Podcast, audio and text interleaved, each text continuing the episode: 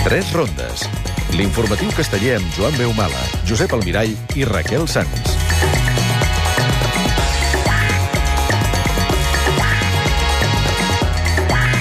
Bona nit, us saluda Joan Beumala. La temporada passada es van fer un total de 21 castells de gamma extra, dels quals 8 de descarregats. Enguany, a falta d'una gran diada, la dels Minyons, en què el còmput es podria ampliar, en portem 19, dels quals 12 de descarregats. És a dir, que més o menys s'ha mantingut el nivell quan a castells de màxima dificultat que la temporada passada. I això que l'any passat hi havia concurs, un factor que sempre ajuda a que les xifres en els anys parells, anys de concurs a Tarragona, superin les d'anys senars. Però és que, a més a més, la dada és encara més favorablement significativa si tenim en compte que a començament de temporada i durant les primeres jornades, fins i tot els primers mesos, els conceptes més repetits en boca dels responsables de les colles més grans eren els de temporada de transició, de tranquil·litat, de renovació de troncs... Vaja, que semblava que això seria com una mena de cursa de cargols a veure qui es movia més a poc a poc.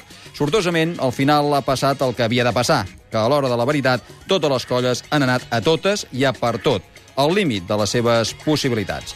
I el resultat ha estat una temporada fantàstica, una vegada més, amb castells de gamma extra de totes les factures, amb emoció i amb moments apassionants. Ja es pot dir que el 2009 casteller ha estat un gran any, i això que l'últim capítol encara no s'ha escrit. Benvinguts a la Dimensió Castellera, benvinguts al Tres Rondes, l'informatiu casteller de Catalunya Informació per a tot el país.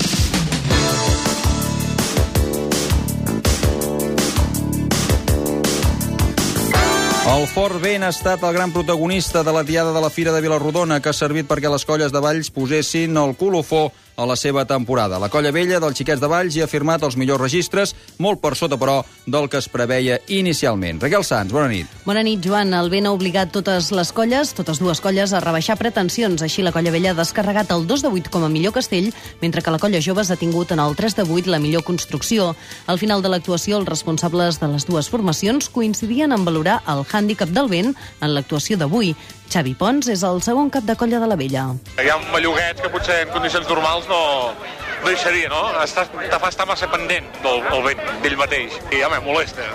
La millor actuació del cap de setmana l'han firmat els capgrossos, els quals han posat també el punt final a la seva campanya amb castells de nou i una estrena sonada. Josep Almirall, bona nit. Bona nit, Joan. Sí, el 3 de 9 descarregat, torre de 8 descarregada i, atenció, 3 de 8 amb l'agulla completat a la primera. Avui els capgrossos estaven feliços, a punt per carregar piles durant l'hivern i amb la mirada posada a la temporada 2010. Lluís Feliu n'és el cap de colla. Molt bé, les tres últimes setmanes hem fet una mica la feina que ens havíem deixat durant el segon tram. Hem fet quatre castells de nou en tres diades, hem estrenat el 3 amb agulla avui, estem molt contents, molt bona valoració, i això fa que la colla acabi més contenta i amb més trempera de cara a l'any que ve. Han acompanyat els caprosos de Mataró, els castellers de Lleida i els castellers de Barcelona, dues formacions que no han tingut avui el seu millor dia. Lleida ha estat més bé que no pas a Vilafranca, descarregant el 4 de 8 i carregant la torre de 8, però han topat dues vegades amb el 3 de 8. I els castellers de Barcelona sí que han tingut la mala sort de cara. Els ha faltat l'enxaneta i han hagut de desmuntar dues vegades el 4 de 8 amb l'agulla i una a la torre de 7. Al final, això sí, han completat un gran pilar de 6. Ho explica el cap de colla Sergi Udina. Hem encarat l'actuació no en les millors condicions anímiques i físiques i això ens ha condicionat. La canalla doncs, eh, és molt susceptible en, aquests, eh, en aquesta mena de condicionants. Ja no hem començat confiats i això ens ha condicionat l'actuació la, molt. Per la seva banda, atenció perquè els Minyons de Terrassa han actuat aquest migdia a Guissona, on han començat el compte enrere en la seva operació 22N3 de 10. Raquel Sanz, bona nit. Bona Ah, no, ja- nit. ja salvat sí, sí, bona nit de nou, efectivament, perquè els Minyons ja han decidit que el seu gran objectiu per la seva diada del 22 de novembre serà el 3 de 10. Avui, a la plaça Major de Guissona, han descarregat el 3 de 9 amb vistes al Castell de Déu i el seu cap, Lluís Maioles, té clar que el castell hi és. sabem que el castell el tenim i que, i que el principal problema, igual que ha sigut al llarg de l'any, és, és tenir la gent suficient a l'assaig com per poder fer les proves dignes i, i anar a plaça amb els deures fets. Comencem a analitzar tot el que ha donat de si la 31a jornada del calendari, així com altres coses relacionades amb l'actualitat castellera i que cal saber, com per exemple, no us perdeu una història molt interessant, història sobre rivalitat ballenca, que us hem preparat. Tot això al Tres Rondes, l'informatiu casteller de Catalunya Informació.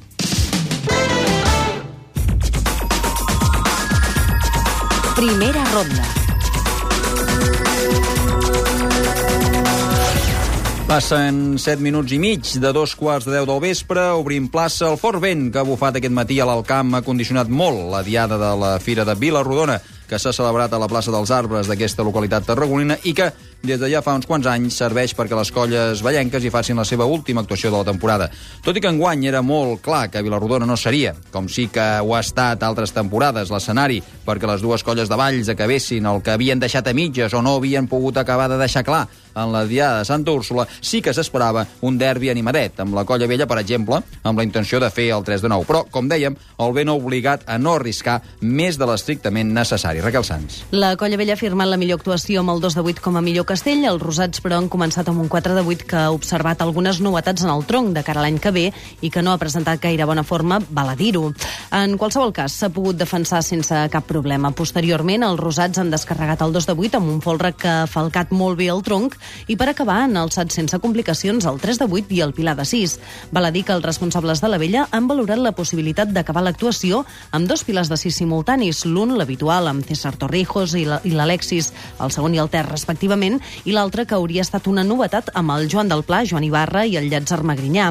Al final, però, s'ha descartat aquesta opció i el segon cap de colla de la vella, Xavi Pons, explica les dificultats que afegeix el fort vent que ha bufat avui a Vilarrodona en una actuació. Si és un vent així no bé que controlat, doncs mira, però quan notes aquella ràfaga, més que res, doncs dalt també que la canalla, nosaltres som una colla que la canalleta, el xacó d'engeneta, per exemple, són molt petits, i també fa una mica de por que, segons què, doncs, no te'ls faci caure, no?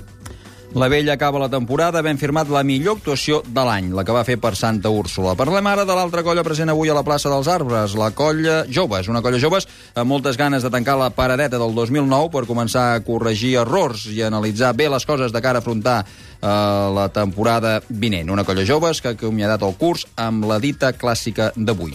Una colla joves amb el cap més posat, com deies, amb corregir errors comesos en guany de cara a poder afrontar amb més garanties la temporada vinent que no pas en haver d'actuar avui i encara menys amb el vent que feia. Amb tot, la Joves ha descarregat el 2 de 7, un 3 de 8 que ha rebut un fort cop de vent amb tot el pes dalt, però sense conseqüències, el 4 de 8 i un pilar de 5. Un dels castellers de tronc de les Joves, Joan Barquet, destaca també el paper protagonista del vent en aquesta diada de Vilarrodona. És emprenedor i pot ser fins i tot perillós, perquè quan el castell és dalt pot venir una ràfaga, perquè clar, estem, estem patint una, una ventada de ràfaga. Ja va passar, me'n recordo una vegada aquí a Vilarrodona també, que també es va haver d'anul·lar. Vull dir que sí, és emprenyador pel casteller i, pel, i perillós per la canalla. Vilarrodona, Vilavent, avui, ha posat el colofó de la temporada de les colles ballenques. Per cert, després en tornem, ens tornem a referir a aquesta actuació d'avui de la vella. Serà quan atorguem la llenya de la jornada. Ens acostem a tres quarts de deu del el Tres Rondes. Esteu escoltant l'informatiu de Castells de Catalunya Informació. Els capgrossos de Mataró van firmar diumenge passat una gran diada a Vilafranca, una diada que es veia completament els dubtes que havia generat l'inici accidentat dels mataronins en el segon tram de la temporada. Els capgrossos no han perdut pistonada i acaben l'any com a la quarta millor colla, una temporada més, una tem aquesta temporada com a quarta millor colla. Atenció, avui en l'últim acte a casa, amb motiu de la seva diada, sense deures pendents, s'han acomiadat amb vestit de gala, amb castell de nou i una molt bona actuació. Josep Almirall ha estat a la Mataronina plaça de Santana. Sí, i he pogut veure també el primer 3 de 8 amb l'agulla que carrega i descarrega la colla del Maresme. No ha estat el seu castell més, més valuós, però sí que ha estat el que els ha fet desfermar l'eufòria. Els capgrossos han esdevingut, doncs, la quarta colla que completa aquest invent vilafranquí, que sovinteja amb un pis menys i que, damunt d'un folre, ja han carregat els minyons i descarregat els verds. Avui l'han tirat en tercera ronda. Estava molt reforçat a terços, amb dos segons de castells de 8 en aquest pis i, paradoxalment, o potser per això, ha estat a terços on ha acabat patint més. Coincidint amb, aquesta, amb la carregada, el 3 s'ha obert molt i ha calgut que el treballessin fins que ha sortit el pes de dalt. El Pilar ha quedat ortodoxament net damunt la pinya i l'han descarregat molt bé. Albert Busquets, terç de l'estructura del 3 s'ha obert la regla i el canal Pilar molt junt amb la, amb la plena no podíem seguir-la. Llavors hi ha hagut una, una batzegada i però separant bastant bé. Els capgrossos han sortit avui de Torre de 8 i l'han descarregada amb absoluta autoritat. Després, en segona ronda, ha arribat l'intent de 3 a 9 i també l'han descarregat. Tot i això, s'hi ha hagut, s'hi han hagut d'escarrassar. De seguida s'hi ha vist un terç, un pèl estirat, i a la sortida de la canalla s'ha anat obrint força de quarts. Joan Alvarez, que l'ha parat a terços. He vist que m'estava obrint molt a l'esquerra, però com que el, el que a vegades el Castelló fa això i a vegades es recol·loca, he pensat, bueno, anem tirant. Però sí, sí, a la sortida de la nena, la regla s'ha estirat molt, jo m'he estirat molt a l'esquerra, i bueno, s'ha de format el castell completament. El que passa que és el que diem, com que ja s'estàs carregant, treus aquella mica de ganes que tens encara i ho descarregues. Al final de l'actuació, després de descarregar el 3 de 8 amb l'agulla, Lluís Feliu, el cap de colla, ha reconegut al tres rondes que aquest castell ha estat la cirereta. Sí, el 3 amb l'agulla és la cirereta, és la cirereta. Vam anar treballant a contagotes i les últimes dues setmanes hem apretat una mica, hem vist que podíem i, i ha anat força bé. I caldria afegir i destacar també que amb els criteris de la puntuació del concurs de Castells de Tarragona i amb aquests criteris aplicats al rànquing de l'avui, els capgrossos han acabat la temporada com la quarta colla per davant de les joves de Valls. A Mataró també han actuat aquest migdia els castellers de Lleida, que es presentaven a la capital del Maresme amb ganes de refer-se del desencís que va suposar la seva actuació diumenge passat a Vilafranca, on van ensopegar fins a dues vegades amb el 2 de 8 i només van poder carregar el 4 de 8. Avui els ha anat força més bé, però no prou, segurament, com per fer oblidar aquell mal dia. Això sí, el seu cap de colla, Rubén Rosell, ha estat valent i ha sortit amb un castell límit per la seva colla, la Torre de 8. Ja ha pujat treballada, una mica tremolosa i girada, i a la carregada s'ha acabat d'espatllar. S'ha obert molt a quarts i quan volien sortir els dosos s'ha trencat. Després han fet dos intents infructuosos de 3 de 8. Un l'ha desmuntat amb 15 i l'altre entrant l'acotxador. Aparentment tots dos estaven per carregar i prou. I finalment han descarregat un 4 de 8 amb dos pilars molt junts que ha perillat fins a la sortida dels quins. Rubén Rosell creu que avui els nervis els han passat factura. La Torre de 8 hem sortit molt valents avui i eh, en principi era l'objectiu de la diada i ho hem afrontat de cara i bueno, els nervis encara els acumulem de la setmana passada i jo penso que la sortida doncs, ens han passat factura i ha quedat encarregada. I res, a punt de descansar i a pensar en la temporada que ve. Han completat el cartell de la Diada dels Capgrossos de Mataró uns castellers de Barcelona que s'han trobat amb l'inconvenient de no poder comptar amb la seva enxaneta titular, la qual cosa els ha passat factura a l'hora de tirar endavant un programa a priori ambiciós, però que ha quedat completament escapçat. D'entrada han hagut de desmuntar dues vegades el 4 de 8 amb l'agulla, un amb l'acotxador que ja es col·locava, ho han tornat a provar amb la torre de 7 i amb l'acotxador esperant també l'han hagut de desmuntar per indecisió de l'enxaneta. Sí que han pogut descarregar el 5 de 7, tot i que s'ha fet etern perquè amb l'enxaneta d'osos l'aixecador de la torre ha quedat encallat a l'esquena del segon. Després han completat un correctíssim 4 de 7 amb l'agulla i a la ronda de pilars han demostrat que ganes avui n'hi havia i han descarregat un excel·lent pilar de 6. Sergi Udina n'és el cap de colla. Actuacions així, com la d'avui o com la de Tarragona, doncs evidentment eh, ens fan veure que si no estem a totes, si, no, si ens relaxem una mica, surt la nostra pitjor cara. I clar, eh, doncs a cara Minyons, clar, eh, exigeix un canvi de, de xip en el sentit d'esforçar-nos per donar eh, la nostra millor cara en les actuacions que queden. Quin programa hi portaries a Terrassa? En principi sembla que Castell de Nou descartat, no? Sí, no, no, nosaltres el Castell de Nou aquesta temporada sempre l'havíem condicionat a estabilitzar una gamma alta de castells de 8. Doncs, eh, el programa per, eh, per Terrassa es mantindrien el Pilar de 7, 4 de 8 amb l'agulla, el 3 de 8 i veurem si a Torre de 8 amb folre també podem recuperar sensacions. Doncs ja veurem si Sants eh, sí que va per a totes a Terrassa. És clar, resulta que el món casteller espera. De fet, estem venent una mena de Joe Fraser versus Josh Foreman en clau castellera barcelonina i a veure si al final ens acabarem trobant amb un pes ploma contra un pes mosca. Esperem que no. Estem ja passa gairebé un minut de tres quarts de deu. És el moment d'obrir un petit parèntesi a l'informatiu casteller saludar Núria Casanova perquè ens explica el més destacat de l'actualitat del dia. Núria, bona nit. Doncs sí, molt bona nit. El govern espanyol demana al primer ministre somali que garanteixi la vida dels 36 tripulants de l'Alacrana. Aquest és el missatge que l'ambaixador d'Espanya a Kènia ha donat al mandatari somali en una reunió a la capital keniana, Nairobi. El primer ministre somali, segons el ministre d'Afers Estrangers, ha transmès la seva disposició a facilitar l'alliberament dels tripulants. També destaquem que Andorra s'ha ajornat fins demà al matí el rescat dels quatre cadàvers dels treballadors atrapats a la runa del túnel que ahir es va esfondrar. S'espera l'arribada d'una maquinària especial per retirar aquesta ferralla. Recordem que el sinistre va fer 5 morts i 6 ferits. I d'altra banda, us volem explicar que la Secretaria d'Estat d'Ocupació és partidària de revisar la flexibilitat a les empreses per ser més competitius. Meravilles Rojo ho ha dit a Catalunya Informació, on ha explicat que la setmana que ve les persones sense prestació d'atur des de l'1 de gener ja podran demanar l'ajuda dels 420 euros. I acabem amb el temps. El vent continuarà bufant amb força als dos extrems del país. El mestral al sud i la tramuntana al nord.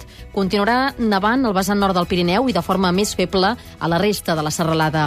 Demà les temperatures a la baixa.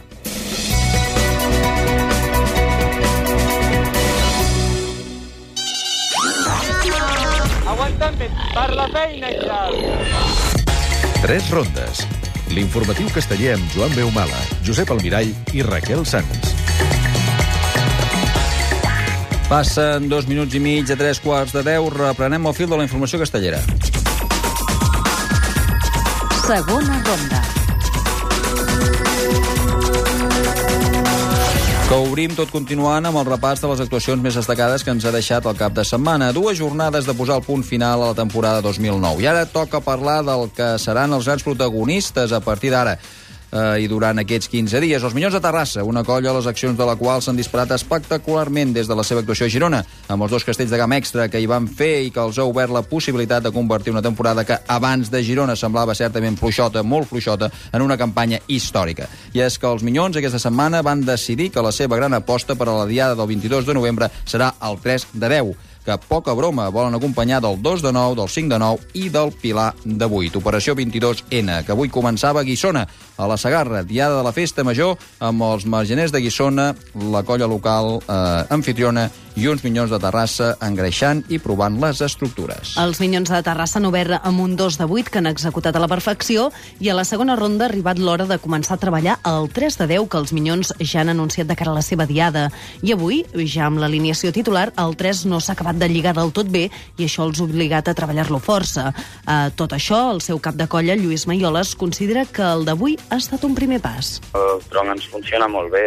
Ja et dic que avui l'han hagut de treballar una mica més de lo normal, però per, això, per haver-lo tirat una mica desquadrat i bueno, que ja està bé també que s'hi trobin i que l'hagin de treballar.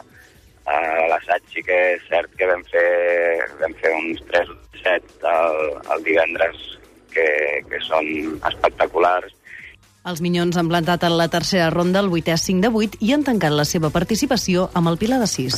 Pel que fa a la colla local, cal dir que els margeners de Guissona han, han plantat el 7 de 7, un castell que només fan ells, i el 3 de 7, mentre que el 3 de 7 aixecat per sota els ha quedat en intent.